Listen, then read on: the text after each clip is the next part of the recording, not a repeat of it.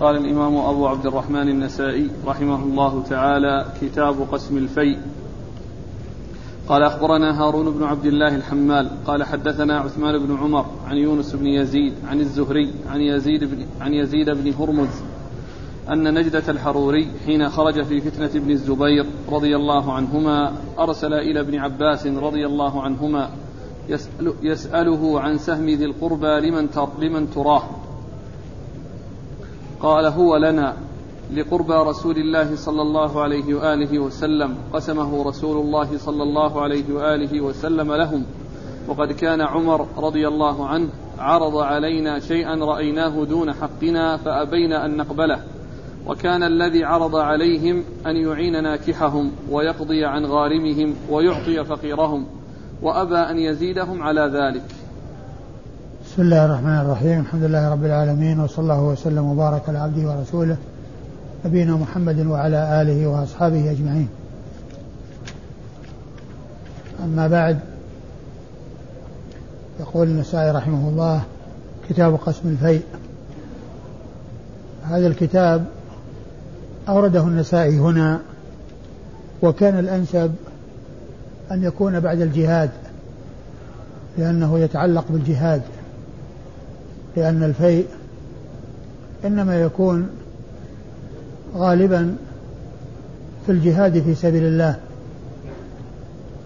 والفيء قيل في معناه أنه ما ظفر به المسلمون من أموال الكفار من غير قتال وإنما بالرعب والذعر الذي يحصل لهم حتى يهربوا ويتركوا أموالهم ويكون ذلك فيئا. والغنيمة هي ما حصلت عن طريق القتال.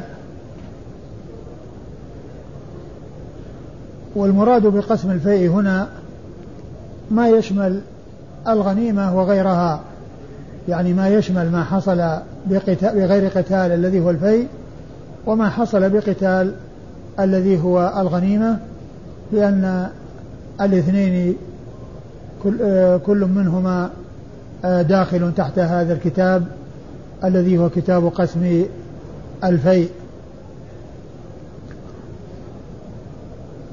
وقد أورد النسائي حديث حديث حديث عبد الله بن عباس يعني فيه حديث وفيه أثر يعني حديث من كونه يروي عن النبي صلى الله عليه وسلم أنه قسمه في آل البيت. وأثر في كون ابن عباس رضي الله عنه قال هو لنا أي لآل البيت وأنه آه يعني آه يكون لهم جميعا ولا يكون لأحد دون أحد. أورد النسائي أثر ابن عباس رضي الله عنه أن نجدة الحروري كتب إليه يسأله لمن لمن لمن الخمس؟ يسأله عن سهم ذي القربى لمن نعم يسأله عن سهم ذي القربى لمن هو. فقال إنه لنا. ويمكن أن يكون هذا السؤال مبني على مبنيا على أن الأمر دائر بين أن يكون لقرابة رسول الله صلى الله عليه وسلم أو لقرابة الخليفة الذي يكون خليفة على المسلمين فيكون لقرابته.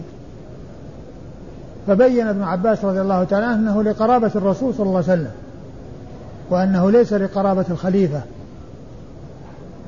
وقال إن الرسول صلى الله عليه وسلم قسمه فيهم. استدل على أن الرسول صلى الله عليه وسلم قسمه فيهم أي جعله في قرابته. صلى الله عليه وسلم. وكونه لقرابة الرسول صلى الله عليه وسلم لا شك أنه هو الواضح وذلك أن أهل بيت الرسول صلى الله عليه وسلم حرموا ومنعوا من الصدقة ولا تحل لهم الصدقة. وأحل الله عز وجل لهم النصيب من الفيء الذي هو سهم ذو القربى. ومن العلماء من قال إن سهم ذي القربى وسهم الرسول صلى الله عليه وسلم يصرف في الجهاد في سبيل الله في الكراع و يعني والسلاح يعني في الخيل والسلاح في وسائل الحرب ووسائل الجهاد والقتال في سبيل الله عز وجل. فابن عباس رضي الله تعالى عنه وأرضاه بين أن سهم ذي القربى إنما هو لقرابة الرسول صلى الله عليه وسلم.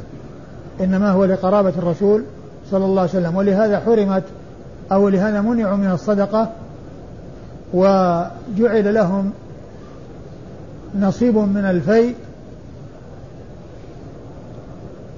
الذي هو أشرف المكاسب وأجل المكاسب. ولهذا كان قوت ولهذا كان قوت المصطفى صلى الله عليه وسلم إنما هو من هذا السبيل. ولهذا جاء في الحديث يعني آه، آه، عن عن النبي صلى الله عليه وسلم الذي يقول فيه النبي عليه الصلاة والسلام بعثت بالسيف بين يدي الساعة حتى يعبد الله وحده لا شريك له وجعل رزقي تحت ظل رمحي وجعل الذل والصغار على من خالف أمري. ومن تشبه بقوم فهو منهم. وقال عليه الصلاة والسلام وجعل, وجعل رزقي تحت ظل رمحي. يعني أنه من الجهاد في سبيل الله. فرزق الرسول صلى الله عليه وسلم الذي هو السهم الذي للرسول وكذلك سهم ذي القربى هو من هذا المكسب الذي هو خير المكاسب وأجل المكاسب وأفضل المكاسب الذي هو الجهاد. في سبيل الله عز وجل لأنه كان لإعلاء لإعلاء كلمة الله ولإظهار دين الله ولنشر الحق والهدى في أنحاء المعمورة. وذكر ابن عباس رضي الله عنه أن عمر رضي الله عنه عرض عليهم أمرا رأوه دون الذي يستحقونه وهو أنه يصرفه في قرابة الرسول صلى الله عليه وسلم لكن في من يكون محتاجا إما أن يكون يريد أن يتزوج فيعطى من الخمس أو غارم مدين يوفى دينه من الخمس أو فقير يعطى من الخمس الذي هو خمس القرابة. وابن عباس رضي الله عنه يرى أنه يكون لهم وأنهم يعطون إياه وهم يقتسمونه. وعمر رضي الله عنه رأى أن يكون في أن تكون مصاريفه أي خمس ذوي القربى أو سهم ذوي القربى سهم ذوي القربى يكون في من هو محتاج منهم. الذي يحتاج إلى زواج أو الذي يحتاج إلى سداد دين أو يحتاج إلى نفقة بأن يكون فقيرا أو مسكينا. فلم يوافق عمر رضي الله عنه على هذا الذي طلبوه وإنما أراد أن يصرفه في هذه الأمور التي تتعلق بنفع المحتاجين منهم. نعم. الاسناد قال أخبرنا هارون بن عبد الله أخبرنا هارون بن عبد الله الحمال البغدادي وهو ثقة أخرج حديثه مسلم وأصحاب السنن الأربعة. عن عثمان بن عمر. عن عثمان بن عمر وهو ثقة أخرج له أصحاب الكتب الستة. عن يونس بن يزيد. عن يونس بن يزيد الأيلي ثم المصري وهو ثقة أخرج له أصحاب الكتب الستة. عن الزهري. عن الزهري محمد بن مسلم بن عبيد الله بن شهاب الزهري ثقة فقيه أخرج حديثه أصحاب الكتب الستة. عن يزيد بن هرمز. عن يزيد بن هرمز وهو ثقة أخرج له مسلم وأبو داود والترمذي والنسائي. أخرج له مسلم وأبو داود والترمذي والنسائي. عن ابن عباس. عن ابن عباس عبد الله بن عباس بن عبد المطلب ابن عم النبي صلى الله عليه وسلم وأحد العبادلة الأربعة من أصحابه الكرام. وهم عبد الله بن عباس وعبد الله بن عمر وعبد الله بن عمرو وعبد الله بن الزبير. وهم جميعا من صغار الصحابة. وهم صحابة أبناء صحابة. كل واحد منهم صحابي ابن صحابي. وهو أيضا أحد السبعة المعروفين بكثرة الحديث عن النبي صلى الله عليه وسلم. وهم أبو هريرة وابن عمر وابن عباس وأبو سعيد وجابر وأنس. وأم المؤمنين عائشة ستة رجال وامرأة واحدة رضي الله تعالى عنهم وعن الصحابة أجمعين. قال في أوله أن نجدة الحروري حين خرج في فتنة ابن الزبير. نعم. مراده. يعني مراده أنه يعني في ذلك الوقت كتب كتابا إلى ابن عباس يسأله عن سهم ذوي القربى يكون لمن؟ فأجابه أو كتب إليه بهذا الجواب. الذي ذكر يزيد بن هرمز أنه تولى الكتابة لابن عباس لهذا الكتاب. فتنة ابن الزبير ما هي؟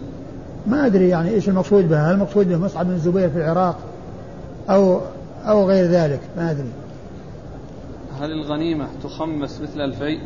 الفيء يخمس مثل الغنيمة؟ لا الفيء لا يخمس وإنما يرجع فيه إلى إلى إلى, إلى, إلى اجتهاد الإمام يصرفه في المصارف التي يراها. وأما الغنيمة فالغنائم فهي التي تخمس. خمس في المصارف التي ذكرها الله عز وجل وأربعة أخماس للغانمين الذين حضروا المعركة.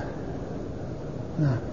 ما رآه عمر رضي الله عنه في أنه يعطى الفقير والذي يريد النكاح والغارب هو الذي عليه العمل؟ الذي يبدو أن آه، آه، آه، إعطاء ذوي القربى إنما يكون للمحتاج منهم لأن المقصود بذلك إغناهم وأن الذي يكون محتاجا منهم لا يعطى من الصدقة. لأن الصدقة أوساخ الناس. وقد يعني كرموا بأن يكون لهم نصيب من ذلك. وجعل وجعل نصيبهم من هذا الذي هو خير المكاسب وأفضل المكاسب. فمن العلماء من قال بتعميمه كما يعني جاء عن ابن عباس وكما يراه ابن عباس. ومن العلماء من قال بتخصيصه كما جاء عن عمر. والأظهر أنه يكون خاصا بالفقير أو خاصا بالفقراء والمحتاجين ولا يكون لكل أحد سواء كانوا أغنياء أو فقراء. قال أخبرنا عمرو بن علي قال حدثنا يزيد وهو ابن هارون قال أخبرنا محمد بن إسحاق عن الزهري ومحمد بن علي عن يزيد بن هرمز قال كتب نجدة إلى ابن عباس رضي الله عنهما يسأله عن سهم ذي القربى لمن هو. قال يزيد بن هرمز وأنا كتبت كتاب ابن عباس إلى نجدة. كتبت إليه كتبت تسألني عن سهم ذي القربى لمن هو وهو لنا أهل البيت. وقد كان عمر رضي الله عنه دعانا إلى أن ينكح منه أي أيمنا ويحذي منه عائلنا ويقضي منه عن غارمنا فأبينا إلا أن يسلمه لنا وأبى ذلك فتركناه عليه. ثم ورد النسائي أثر ابن عباس رضي الله عنه من طريق أخرى وهو مثل ما تقدم. فيه جواب ابن عباس بأن آه، سهم ذي القربى إنما هو لقرابة الرسول صلى الله عليه وسلم وأن ابن عب وأن عمر رضي الله عنه عرض عليهم شيئا رأوه دون الذي يستحقونه وأنه ينكح أيمهم يعني آه الذي آه من, من كان بدون زوج سواء كان آه ذكرا أو أنثى و ينكح أيمنا وإيش؟ ويقضي منه عن غارمنا. ويقضي منه عن غارمنا الذي هو المدين الذي عليه دين. أيوه. ويحذي منه عائلنا. و؟ ويحذي منه عائلنا. وإيش؟ ويحذي. يحذي يعني يعطي. ويحذي عائلنا أي الفقير. العائل هو الفقير المسكين. نعم. قال أخبرنا عمرو بن علي. عمرو بن علي هو الفلاس ثقة أخرج له أصحاب كتب الستة بل هو شيخ من أصحاب كتب الستة. عن يزيد عن يزيد هو بن هارون الواسطي ثقة أخرج له أصحاب كتب الستة. عن محمد بن إسحاق. عن محمد بن إسحاق المدني وهو صدوق أخرج حديثه البخاري تعليقا ومسلم وأصحاب السنة الأربعة. عن الزهري. عن الزهري وقد مر ذكره. ومحمد بن علي. ومحمد بن علي بن الحسين بن علي بن أبي طالب الذي هو أبو جعفر الباقر وهو ثقة أخرج له أصحاب كتب الستة. عن يزيد بن هرمز عن ابن عباس. عن يزيد بن هرمز عن ابن عباس وقد مر ذكرهما. قال أخبرنا عمرو بن, عمرو بن يحيى قال حدثنا محبوب. قال حدثنا محبوب يعني ابن موسى. قال أخبرنا أبو إسحاق وهو الفزاري عن الأوزاعي أنه قال كتب عمر بن عبد العزيز إلى عمر بن الوليد كتابا فيه. وقسم أبيك لك, لك الخمس كله. وإنما سهم أبيك كسهم رجل من المسلمين. وفيه حق الله وحق الرسول وذي القربى واليتامى والمساكين وابن السبيل. فما أكثر خصماء أبيك يوم القيامة؟ فكيف ينجو من كثرت خصماؤه؟ وإظهارك المعازف والمزمار بدعة في الإسلام. ولقد هممت أن أبعث إليك من يجز جمتك جمة سوء جمة السوء. ثم ورد النسائي هذا الأثر عن عمر بن عبد العزيز رحمة الله عليه وأنه كتب إلى عمر بن الوليد يقول له أن قسم أبيك لك الخمس كله وإنما سهم أبيك كسهم رجل واحد من المسلمين وإن الخمس إنما هو لليتامى والمساكين وابن السبيل وما أكثر خصم أبيك لأن كونه يعني يستأثر بهذا المقدار ويحرم هؤلاء الذين هم أهله والذين هم المستحقون له فكلهم يكونون خصما له يوم القيامة. وكيف ينجو من كثر خصماؤه؟ ينجو من كثر خصماؤه. ثم كت... ثم ذكر ما يتعلق بشخصه وقال وأما إظهارك إظهارك وإظهارك. وإظهارك المعازف والمزمار. وإظهارك المعازف والمزمار بدعة في الإسلام. ولقد هممت أن أبعث إليك من يجز جمتك جمة السوء. لأن الأول يتعلق بفعل أبيه والثاني يتعلق بفعله والمقصود هو الأول. وأن الخمس يكون في هذه المصارف. التي ذكرها الله عز وجل في كتابه العزيز في سورة الأنفال. وما أدري من هو عمر بن الوليد هذا الذي كتب له عمر بن عبد العزيز. نعم. وش كان في الآخر؟ إظهارك إظهارك المعازف والمزامير والمزمار بدعة في الإسلام يعني أمر منكر وأمر محرم. وكونه يعني يظهر ذلك ويتجاهر به يعني ضلال على ضلال وشر إلى شر. ثم أيضا كونه له جمة والجمة هي الشعر الرأس الذي ينزل إلى المنكبين أو يكون قريب من المنكبين. وقال إنها جمة سوء وأنه سيبعث أهم أن يبعث من يجزها. قيل لعله بذلك كان يتبختر ويختال بها وما فعلها إلا لسوء ولهذا قال جمة السوء وإبقاء إبقاء الشعر ووجود الجمة لا مانع منه ولكن المقصود ولكن الكراهية والذي أشار إليه عمر بن عبد العزيز رحمة الله عليه لما في اتخاذه إياها من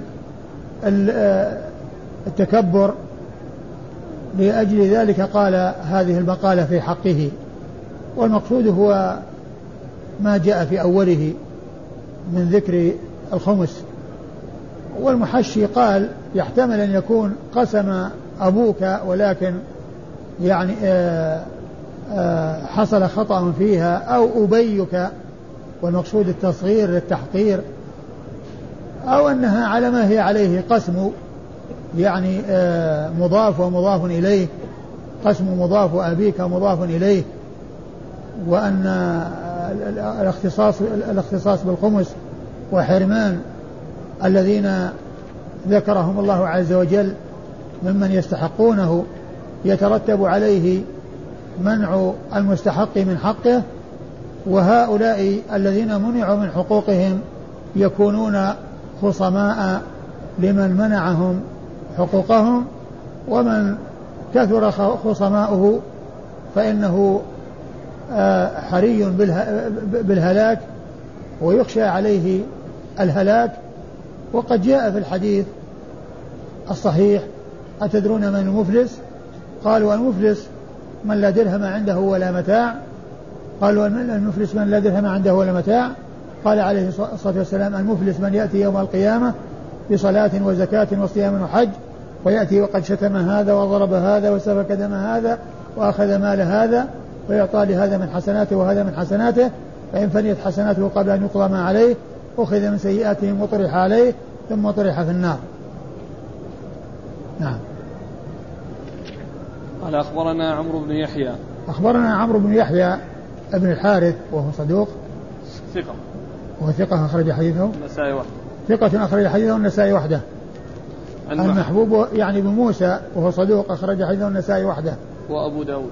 وأبو داود, أبو داود والنسائي وقوله يعني هذه قالها من دون تلميذه الذي هو النسائي أو من دون النسائي.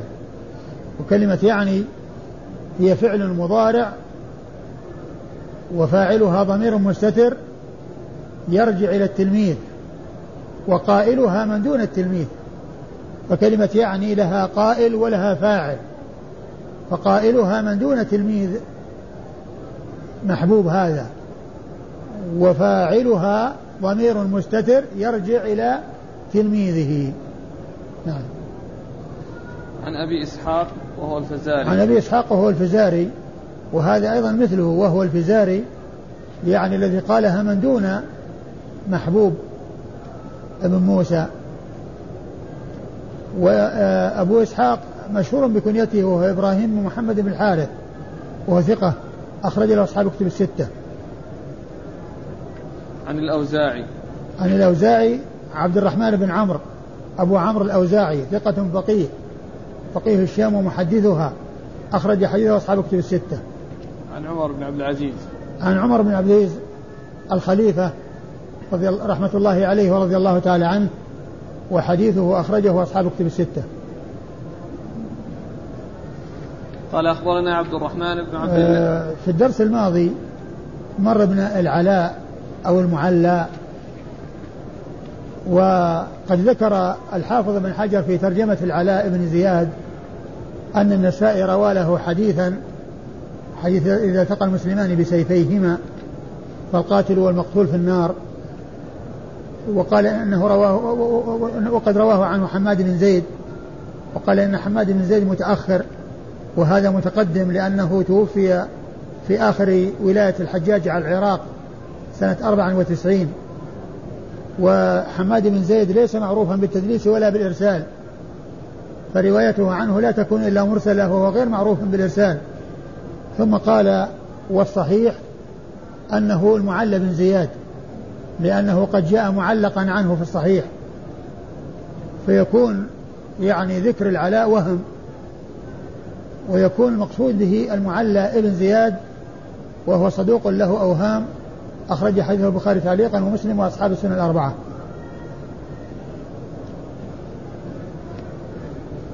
هذا في الدرس الماضي ما أدري إيش رقم الحديث؟ أربعة آلاف. 4134 وسبق أيضا أن مر بنا كلمة الزط في آه في آه الحكم في المرتد.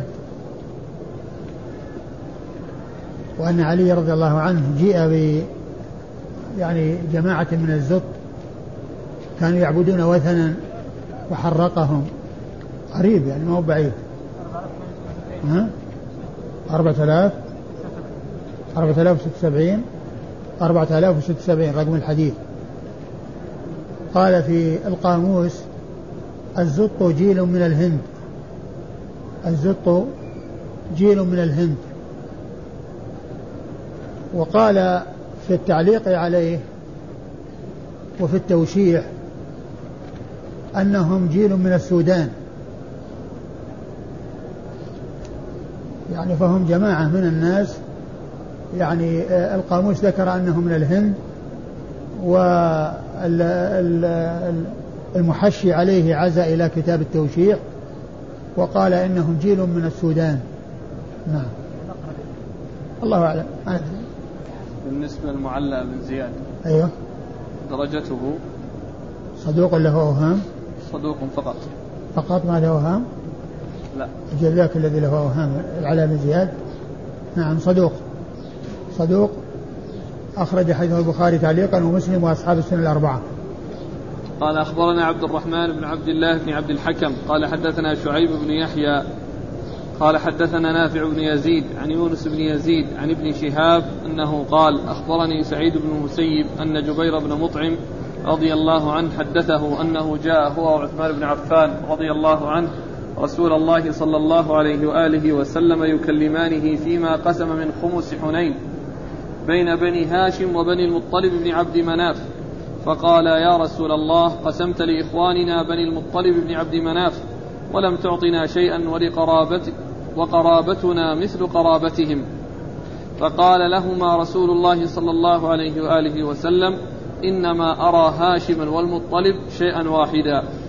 قال جبير بن مطعم ولم يقسم رسول الله صلى الله عليه وآله وسلم لبني عبد شمس ولا لبني نوفل من ذلك الخمس شيئا كما قسم لبني هاشم وبني المطلب.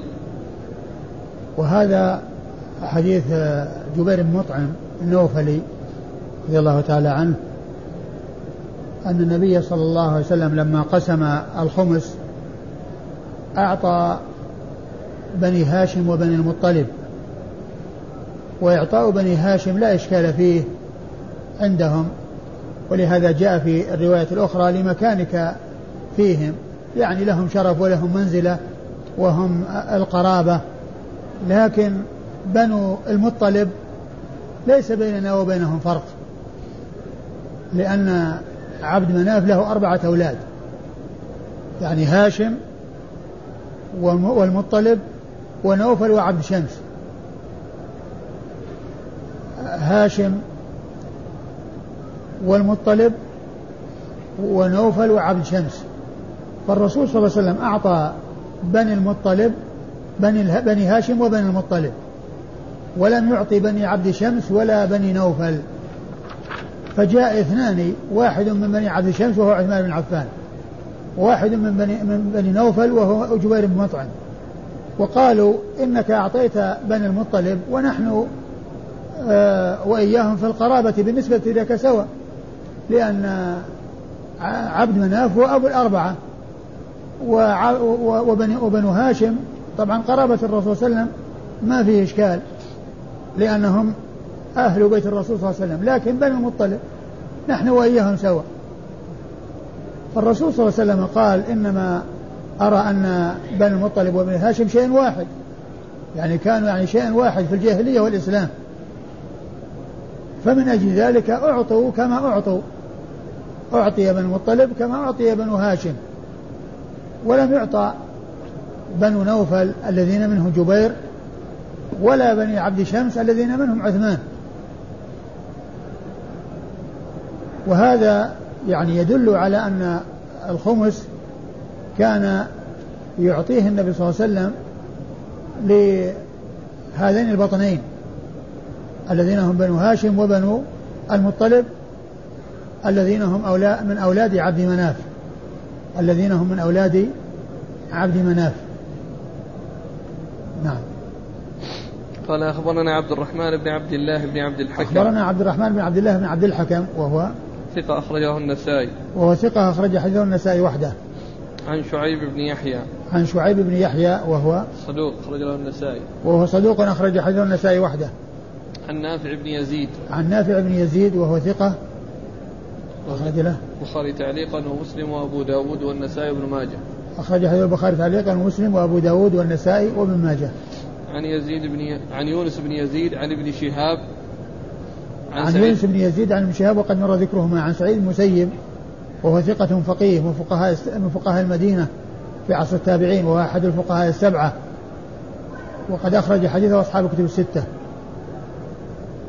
عن جبير بن عن جبير بن مطعم النوفلي رضي الله عنه وهو صحابي أخرج حديثه أصحاب الكتب الستة. وأبوه المطعم الذي آه الذي كان أجار الرسول صلى الله عليه وسلم ونزل في جواره ولما آه، جاءت وقعة بدر قال لو أن المطعم يعني كان حيا وسألني هؤلاء النتنى لا تركتهم له لأنه أجار الرسول صلى الله عليه وسلم لما أذاه كفار قريش عندما جاء من الطائف. وفيه الذي يقول الشاعر ولو أن مجدا أخلد الدهر واحدا من الناس أبقى مجده الدهر مطعما. الذي أجار الرسول صلى الله عليه وسلم. فالمطعم هذا هو والد جبير الذي معنا في الإسناد. نعم. قال أخبرنا محمد بن المثنى قال حدثنا يزيد بن هارون قال أنبأنا محمد بن إسحاق عن الزهري عن سعيد بن المسيب عن جبير بن مطعم رضي الله عنه أنه قال لما قسم رسول الله صلى الله عليه وآله وسلم سهم ذي القربى بين بني هاشم وبني المطلب أتيت أتيته أنا وعثمان بن عفان رضي الله عنه فقلنا يا رسول الله هؤلاء بنو هاشم لا ننكر فضلهم لمكانك الذي جعلك الله به منهم أرأيت بني المطلب أعطيتهم ومنعتنا فإنما نحن وهم منك بمنزلة. فقال رسول الله صلى الله عليه وآله وسلم إنهم لم يفارقوني في جاهلية ولا إسلام. إنما بنو هاشم وبنو المطلب شيء واحد وشبك بين أصابعه. ثم ورد النسائي حديث جبير بن مطعم من طريق أخرى وهو مثل ما تقدم. قال أخبرنا محمد بن المثنى وش أوله قال إيش؟ لما قسم رسول لما قسم رسول الخمس في ذوي القربى. نعم. سهم ذي قسم سهم ذي القربى بين بني هاشم سهم ذي القربى بين بني هاشم ومطلب. يعني هذا المقصود من إرادة الحديث في قسم الفي يعني الرسول صلى الله عليه وسلم قسم سهم ذي القربى بين بني المطلب بني هاشم وبين المطلب. يعني فيكون يعني يكون للمطلب والهاشمي. ولهذا الصدقة قالوا لا تدفع إلى مطلب ولا إلى هاشم لا تدفع الصدقة إلى مطلب ولا هاشمي لأنهم يعطون من الخمس. لأنهم لم يعطوا من الصدقة التي هي أوساخ الناس وأعطوا من الخمس الذي هو أشرف المكاسب وأجل المكاسب. نعم. قال أخبرنا محمد بن المثنى. محمد المثنى أبو موسى الزمن ثقة أخرجه أصحاب الكتب الستة بل هو شيخ لأصحاب الكتب الستة. عن يزيد بن هارون عن محمد بن إسحاق عن الزهري عن سعيد بن المسيب عن جبير بن مطعم. وقد مر ذكرهم جميعا. قال أخبرنا عمرو بن يحيى بن الحارث قال حدثنا محبوب يعني ابن موسى قال أخبرنا أبو إسحاق وهو الفزاري عن عبد الرحمن بن عياش عن سليمان بن موسى عن مكحول عن أبي سلام عن أبي أمامة الباهلي عن عبادة بن الصامت رضي الله عنه أنه قال أخذ رسول الله صلى الله عليه وآله وسلم يوم حنين وبرة من جنب بعير فقال يا أيها الناس إنه لا يحل لي مما أفاء الله عليكم قدر هذه إلا الخمس والخمس مردود عليكم. قال أبو عبد الرحمن اسم سلام ممطور وهو حبشي واسم أبي أمامة صدي بن عجلان والله تعالى أعلم. ثم أورد النسائي آه، آه، حديث آه، حديث عبادة بن الصامت رضي الله تعالى عنه أن النبي صلى الله عليه وسلم يوم حنين نعم. أخذ وبرة من جنب بعير. يعني الوبر هو الشعر الذي يعني يكون على البعير ويعني يتساقط أو يعني يوشك على التساقط وإذا مسك يعني لحق من مسكه. فالرسول صلى الله عليه وسلم أخذ وبرة قطعة من الشعر المنفصل الذي يعني آه، يخرج بدون مشقة وبدون آه، ضرر على البعير وجعلها بين أصبعيه وقال إنه لا يحل لي من الغنيمة من الغنيمة. لا يحل لي مما أفاء الله عليكم. لا يحل لي مما أفاء الله عليكم مثل هذه إلا الخمس وهو مردود عليكم. فهذا هو الذي آآ للرسول صلى الله عليه وسلم ولغيره ممن ذكره الله عز وجل. والخمس مردود عليهم لأنه في الفقراء والمساكين وابن السبيل كما جاء ذلك مبين وكذلك أيضا يعني في الصرف في الجهاد في سبيل الله. وكان عليه الصلاة والسلام يأخذ قوت سنته وما زاد على ذلك يصرفه في سبيل الله. وفي العدة للجهاد في سبيل الله عز وجل. نعم.